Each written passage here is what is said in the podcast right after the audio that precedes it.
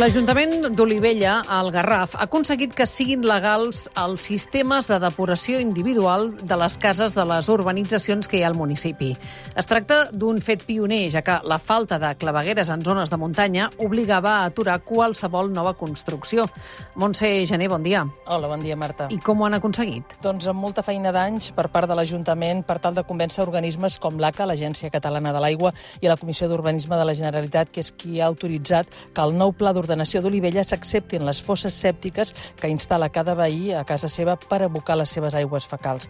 No ens ho hem d'imaginar com un pou negre, sinó com un sistema de depuració biològic en què les bactèries van degradant la matèria fecal. Pensem que Olivella és un conjunt d'urbanitzacions a la muntanya amb 4.000 persones i 37 quilòmetres quadrats de superfície, molt poca densitat, cases aïllades en un terreny molt gran. Es van construir sense que es fessin clavegueres, com ha explicat l'alcaldessa Marta Verdejo. Es feia una ficció, és a dir, fem obres i demà o en algun altre moment ja acabarem les obres. Amb aquesta ficció s'havien anat donant llicències d'obres.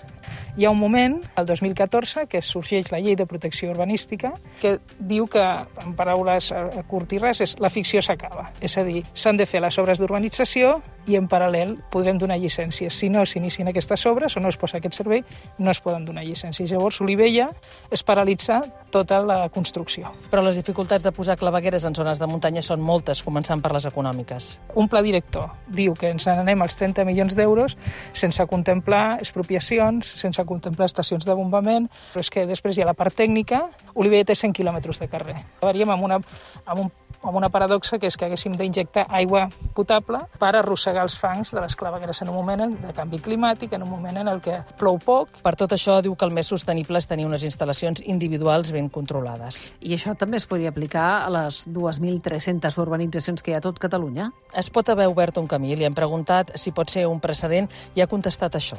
Això el que és és un referent.